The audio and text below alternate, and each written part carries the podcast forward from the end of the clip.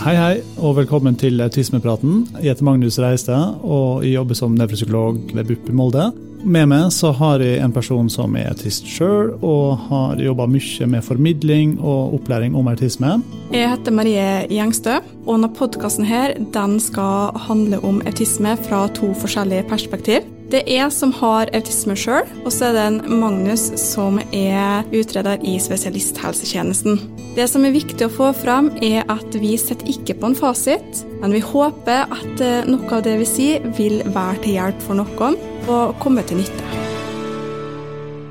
I dag skal vi snakke om autisme. Hva er det for noe? Hva ser vi etter når vi diagnostiserer dem? Og årsaker til det, og litt sånn om hjernen, hvordan den fungerer. Men autisme nå, altså i 2022, er jo litt annerledes enn autisme egentlig bare for noen få år siden. Jeg kan jo ta da jeg sjøl fikk eh, diagnoser i 2016. Så merker jeg nå at det er mye lettere å si at jeg er kvinne og har autisme enn før. Det er ikke like mange som hever øyenbrynene sine og bare tenker nei, du kan ikke ha det. Jeg får fortsatt litt til at nei, du kan ikke ha autisme. Du ser ikke sånn ut. Men eh, jeg føler det at synet på det har endra seg, og at det er mye lettere å si at man har det, og at det er eh, Folk på en måte er mer godtakende og aksepterende på det, da. Det er på en måte ikke ta der nå ja, hva er egentlig egentlig det for noe, og folk vet litt mer.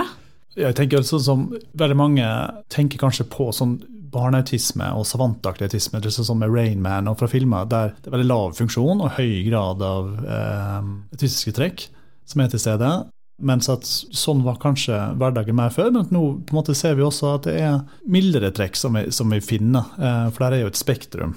Før så tenker en liksom kanskje at de som hadde autisme, eller som ikke hadde følelser, de hadde ikke empati, og de trengte heller ikke være sammen med folk. Vil bare være alene. Bare være alene, ikke sant. Det, men så tenker jeg litt om at min erfaring så stemmer ikke det i det hele tatt. Det her er jo mennesker eh, som alle andre med masse følelser. Sånn personlig teori tror jeg liksom at det her stammer litt fra noen av tegna, eller trekka på autisme, nemlig det å, å, vise følelser og snakke om følelser er ofte veldig vanskelig.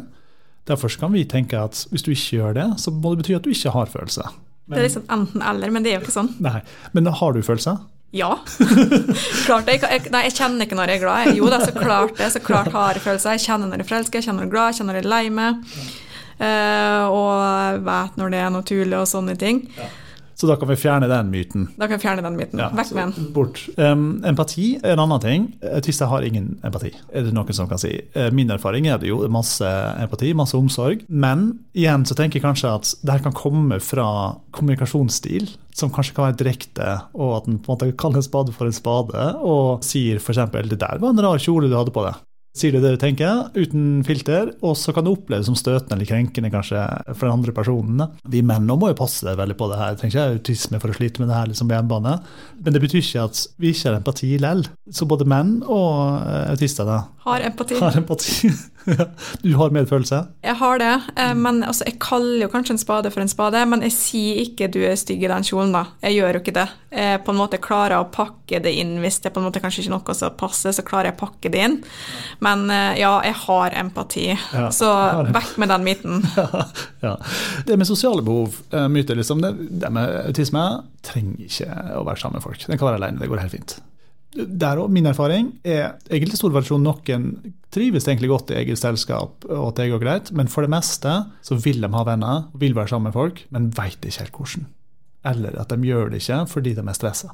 Det er helt sant. Mange av oss vil være sosiale, og så vi har lyst til det, men det er som de sier at eh, flere av oss kanskje ikke vet helt hvordan vi skal gjøre det. Sånn som så på barneskolen så visste ikke jeg hvordan jeg skulle ta kontakt med barn i skole, for eksempel eller hvordan man skal ta kontakt med noen, eller hva man skal gjøre i forskjellige situasjoner. Så det handler ikke om at vi vil eh, være lonely og sitte for et rom for oss sjøl.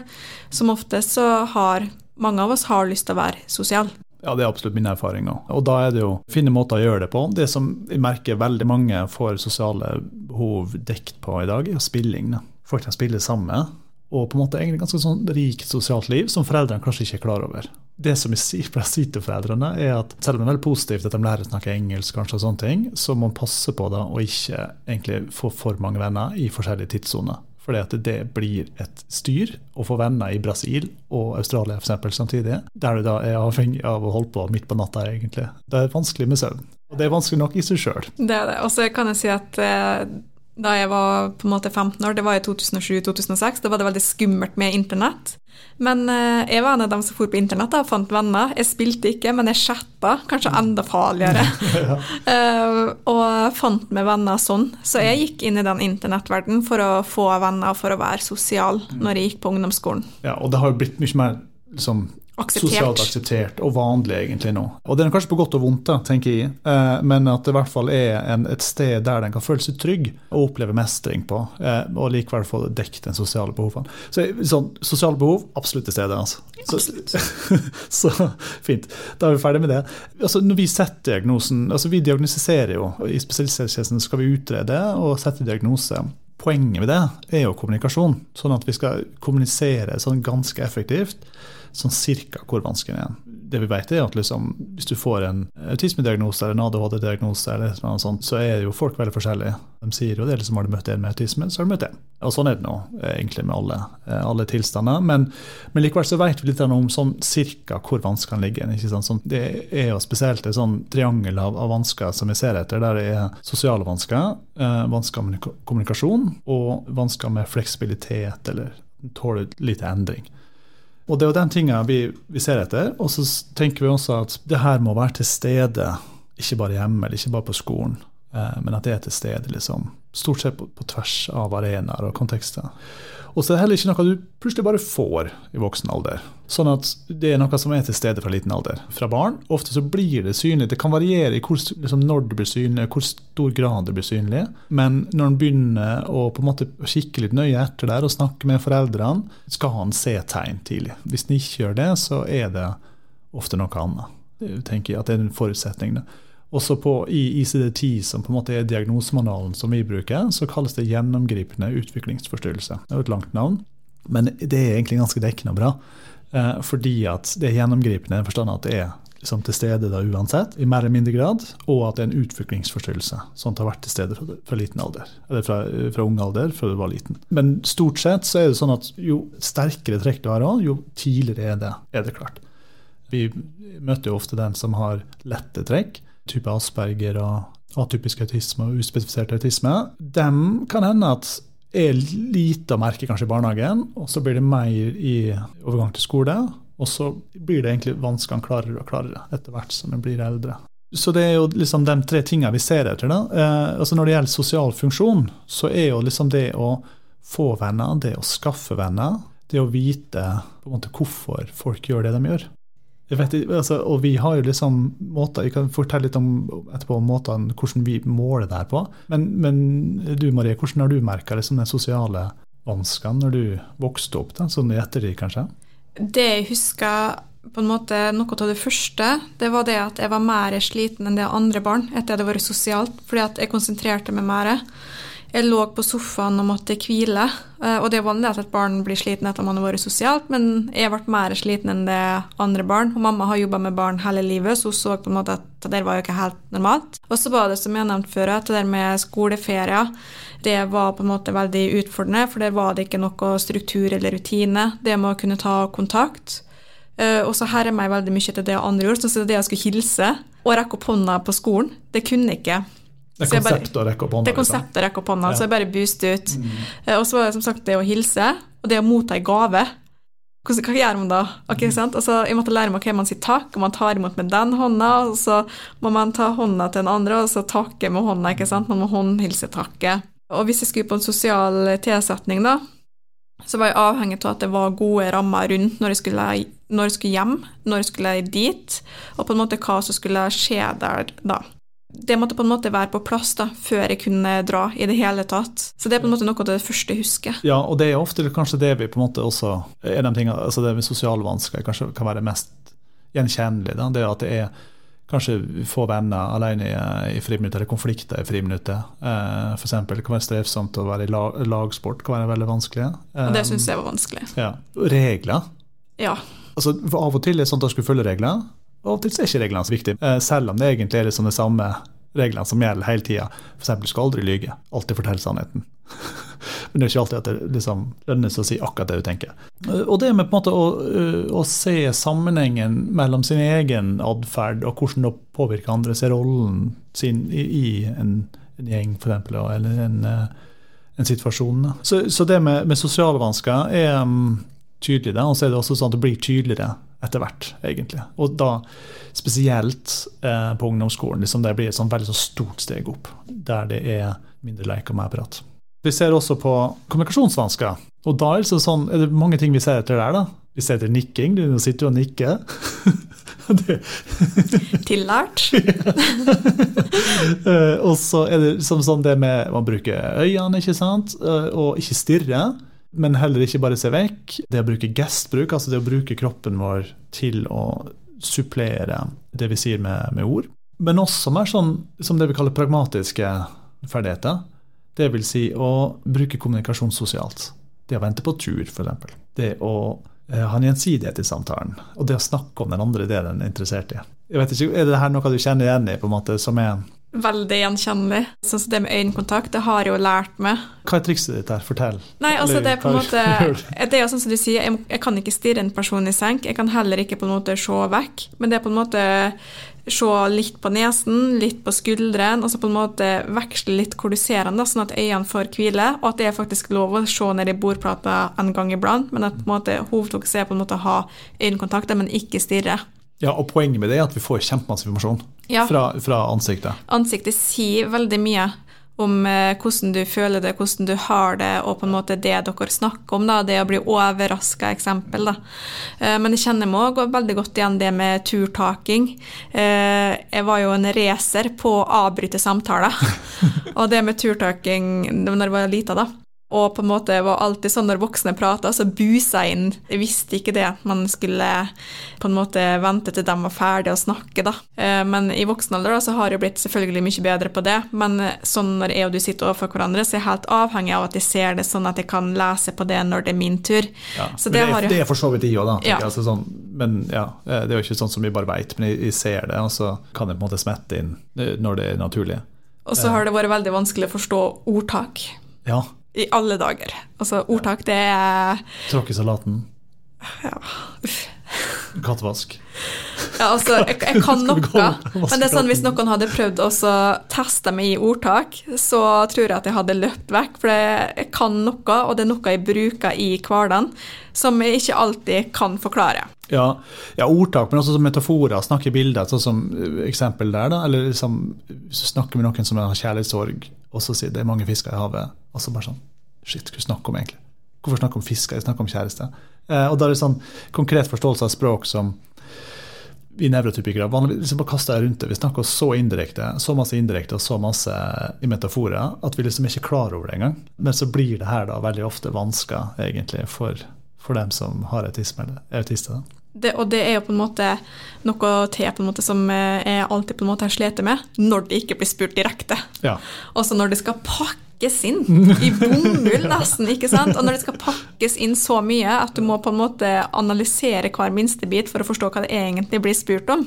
Hvis det foreldre sier det sånn, det hadde vært jammen vært fint hvis gangen var rydda når de kom hjem fra jobb. Og ja, sa du det? det sånn, ja, det er sant. Helt enig.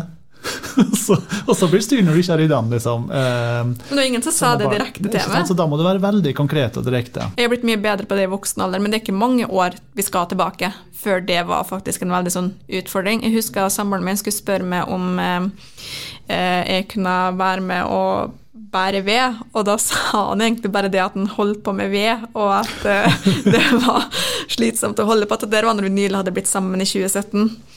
Det han egentlig mente med det, var at jeg skulle komme og hjelpe ham. Men han spurte ikke direkte. Ja, han sa ikke 'jeg trenger hjelp'. Det han sa ikke det. Mm. Så da ble det ikke noe hjelp av han. ja. Sånne episoder har jeg masse opp gjennom barndommen, og det er på en måte at jeg ikke har tatt den der direkte, eller indirekte, da, så det heter. Ja det er jo en sånn klarhet i kommunikasjonen som er liksom viktig egentlig ellers òg, spesielt når du snakker med, altså med de fleste. Så Det blir mindre misforståelser rett og slett, hvis du, hvis du, er litt mer direkte. Og, det er jo en liten uting ja, å hele tida være så indirekte for at vi kanskje ikke tør å spørre om hjelp, eller at du liksom skal ta hintet sjøl. Ja, sånn at da, men det er klart, um, si det på en passende måte er jo viktig. da. Så Kommunikasjonsvansker altså, du, skal til å si, altså, du, du sa ikke egentlig til å begynne med, men her er også, alle de her tingene er jo liksom sånn trekk som du kan ha mer eller mindre grad av, og så kan også den som ikke har autisme, ha mer eller mindre grad av de trekkene her. Eh, og det er jo veldig viktig. Og jeg tror nok at de fleste kjenner seg igjen i på en måte litt av det vi snakker om, ut gjennom hele den podkastserien her, egentlig. Og en ting som kanskje mange også kan kjenne seg igjen i, er jo det tredje området som vi fokuserer på, nemlig sånn begrensa interesser eh, eller manglende fleksibilitet. Det ofte ser vi som rigiditet. Og det vi ser etter da, er jo liksom ofte det som kalles sånn særinteresser.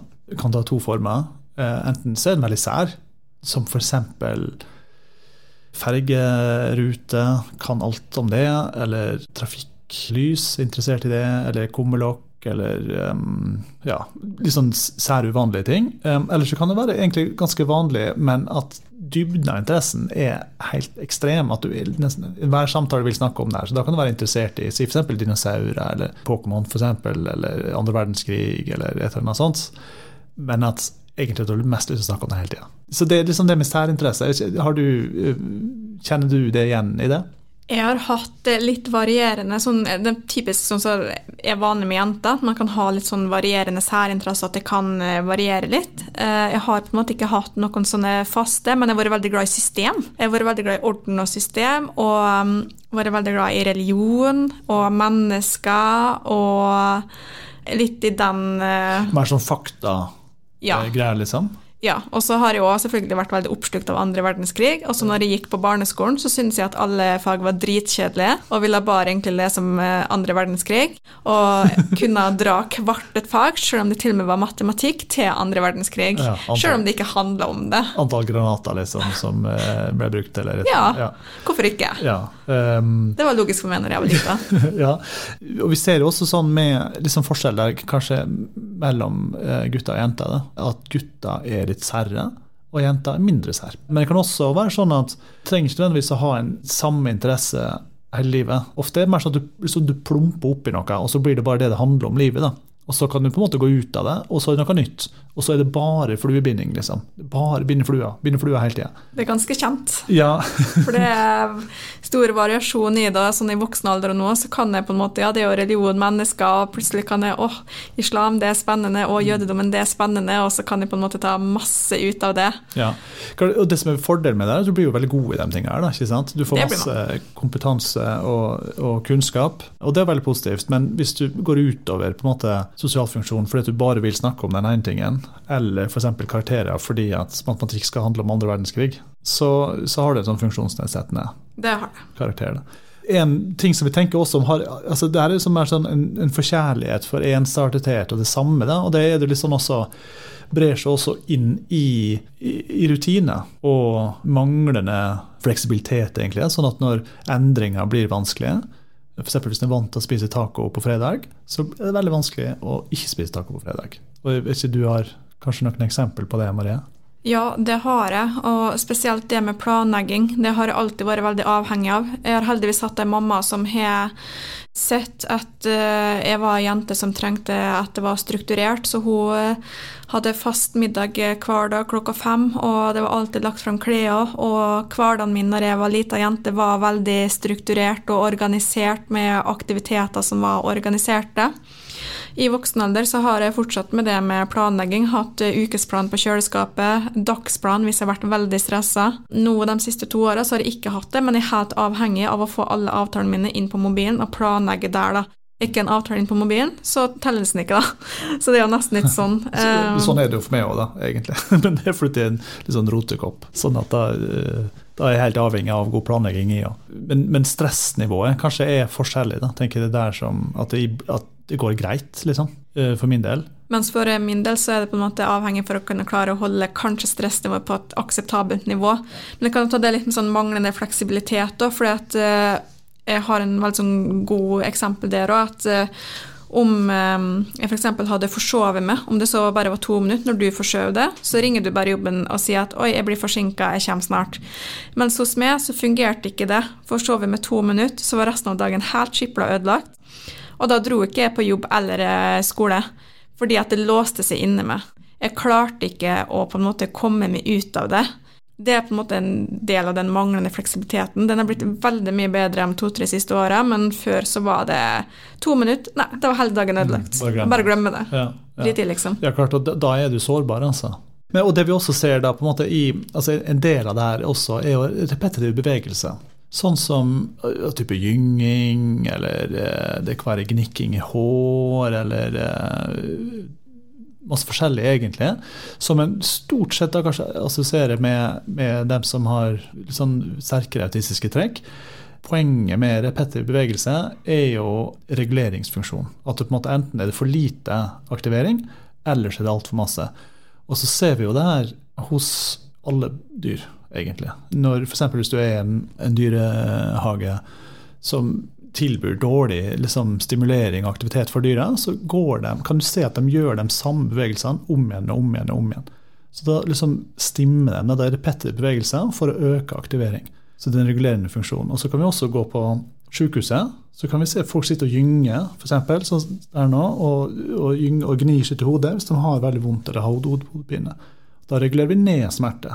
Og så skjer det kjempemasse spennende på fotballkamp, f.eks. Veldig mange helt vanlige mennesker sitter og ser på noe, og når de scorer, så blir du så glad at du reiser opp og hopper rett opp og ned. Rett opp, opp, opp ned, opp ned. Eh, og, eh, og, hvis det er så spennende, så var det cupfinalen var straffespark. Og da satt jo folk og gnikka og rugga og, var, var, og, og, holdt seg i hodet. Og liksom plutselig var det 10 000 autister på tribunen. Det. det så sånn ut. Men så var det bare vanlige folk som var overvelda av følelser. Så, så, det er jo det som på en måte er, er viktig å, å, vite litt om, om det med liksom stimming og, og repetitive bevegelser, at det er atferdsregulerende atferd, egentlig. Absolutt, og det er viktig på en måte, og så lenge på en måte det ikke er forstyrrende for omgivelsene, så er det på en måte også viktig å godta. da. Det er lov å holde på med. Noen har jo en sånn fidget spinner, eksempel. noen sitter bare med håret. Så så lenge på en måte det ikke er forstyrrende, så skal man på en måte ikke Ja, jeg tenker Hvis du går på fotballkamp og så sier du har ikke lov å juble, eller du har ikke lov å, du må sitte helt i ro, akkurat som du sitter i klasserom, det hadde blitt det hadde blitt helt eh, katastrofe. Ingen hadde orka å gå på kamp. Det hadde blitt et tomt stadion. ja, det hadde blitt det jeg tenker altså sånn, Spesielt i perioder med stress så vil jo det her ofte se mer av det. Og da har det en funksjon. altså. Eh, da må man tenke hva kan gjøre for å redusere stresset, ikke redusere liksom den repetitive atferden eller eh, særinteressen eh, i seg sjøl. Så tenker jeg hvorfor har det her plutselig blomstra opp nå? Hva er årsaken til autisme? da? Ja, Hva er årsaken, Magnus? Ja, det er sammensatt. Det vi vet ikke er årsaken, er vaksine. Selv om det, vi har en kar som heter Andrew Wakefield, som publiserte en vitenskapelig artikkel i, på slutten av 90-tallet der han fant en, en sammenheng mellom meslingvaksine og autisme. Viste seg bare å være tull. Han fant på dataen sjøl. Jeg leste nå nylig at han hadde da forkant av det her tatt patent på et, en meslingvaksinetype. Så han hadde lyst til liksom, å tjene penger på det. Men det vi vet, er at gener har mye å si. Det med størst genetisk komponent eh, av alle vanskene som vi ser i, i psykiatrien. ADHD er også en stor genetisk komponent. Det betyr ikke at, måte, at du arver det sånn én til én. Men det kan hoppe veldig. Det kan hoppe ofte, men ofte så ser vi at det er en opphopning eller trekk. Da, i, det kan være en tante eller en onkel eller eh, bestemor eller, eller det er mamma eller pappa da, som på en måte har trekka det, og så har det blitt uttrykt på en litt annen måte i, i barnet, f.eks. Så, så det er stor arvbarhet. Men så tenker vi alt med alle ting, så er det en bio altså Dvs. Si gener, og så psykososial forklaringsmodell. At på en måte de opplevelsene du har, og hvor du bor, en påvirker hvordan det uttrykker seg, og vanskene du får. Vi vet også at det å bli født tidlig har litt å si. Så det er en sammensatt årsak til autisme. Det vi vet, er at det handler om hjernen. Vi vet ikke helt hvordan altså Det er ikke sånn at du kan se på en MR eller, eller ta bilde av hjernen og så se at der er en autist, og der er en som ikke er autist. Det vi, er vi ikke i nærheten engang. Men vi vet at det er enkelte steder i hjernen som er litt annerledes. og da Spesielt i limbiske system, dvs. Si på en måte det som er veldig, har, har mye å si. Det ligger midt i hjernen, sånn gammelt hjernesystem, men at det har mye å si med følelser. og assosiasjonslæring. Sånn at vi lærer med assosiasjoner, og at vi da gjør mindre av det som er assosiert med ubehag og smerte, og mer av det som er assosiert med, med glede. Det stemmer godt også med kanskje det vi ser i, i kliniske hverdagen, at, at de er mer følsomme for å, å ta med seg opplevelsene videre, egentlig, og at det da påvirker atferd. Jeg vet ikke om du har merka det, liksom, at du har opplevd én ting, eh, og så blir det i veldig stor grad vanskelig å, å gjøre det her pga. en opplevelse som på en måte blir vekta tungt. eller at du på en måte har lært en assosiasjon. Det var vel kanskje litt verre før, da jeg var yngre og på en måte stressen var kjempehøyt og du var veldig sånn sårbar fordi at du ikke visste hvor du hørte til hen. Men sånn i voksen alder så har jeg ikke merka noe til det. Men når vi snakker om hjernen, så er det på en måte at eh, jeg bruker å si det at eh, jeg har en hjerne som fungerer litt annerledes. Den er kobla litt uh, annerledes enn du. Noen ledninger som er bytta om på. Ja, og så er det litt sånn det det filteret på en måte som er, er borte. Og du har en god analogi for det. Og det å ta det med kaffefilter, at eh, jeg har ikke det kaffefilteret sånn som du har, så jeg får jo alt det grytet, og hjernen klarer ikke å sortere det ut. Så den tar inn alt, da. Det er ganske fantastisk på en måte, og så er det ganske grusomt til tider kan være. Det kan være både og. Spesielt når du ikke vet hva det er for noe, så er det lett å bli overvelda.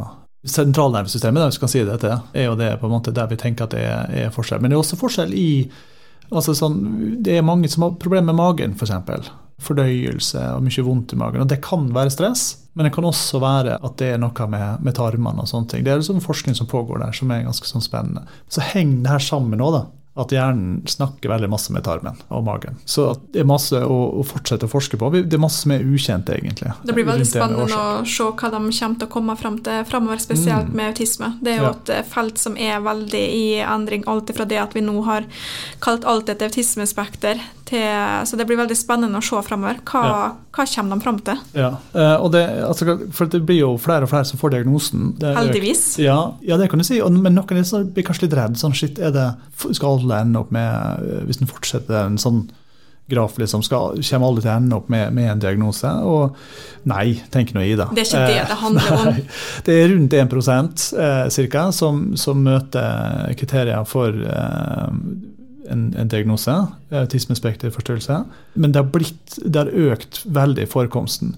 Det en sånn svensk forskergruppe så på, undersøkte data fra tidlig på 90-tallet med 2000-tallet. I den perioden så hadde antall diagnoser økt masse.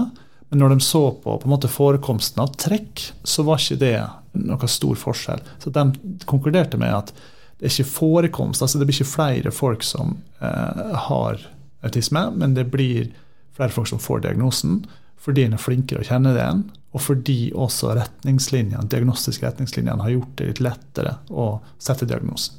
Og da, jo, da får en jo hjelp òg. Ikke sant? å finne og Det er jo det som er veldig viktig. Og jeg syns det er bra at uh, vi er blitt flinkere til å sette diagnosen. Jeg vet det er mange som sier at uh, det er for mye, nå må vi på en måte se hva er det som skjer her. Men det er kjempebra, og i hvert fall jeg som har gått gjennom halve livet uten en diagnose, syns det er så bra at det er flere som blir oppdaga, for da får man den rette hjelpen. Man får knagger til å henge ting på, og verktøyer til å kunne håndtere livet. da. Så det er bare bra at vi er på den at vi er kommet dit, ja, heldigvis. Ja, jeg tenker det. Og det er, liksom, det er bedre å ikke oppleve det stresset og ikke vite hva det er for noe, men at å slite med de tingene gjennom eh, oppvekst og, og eh, ungdom eh, Det er mye bedre å få diagnosen tidligere enn senere. Ja, til tidligere til bedre. Jeg er veldig forkjemper for akkurat det. Helt klart. Eh, nei, men Da takk. Da har vi snakka litt om autisme i dag, generelt sett. Og så skal vi snakke mer om identitet eh, og det å ha autisme i neste episode. Det blir spennende. Stay tuned.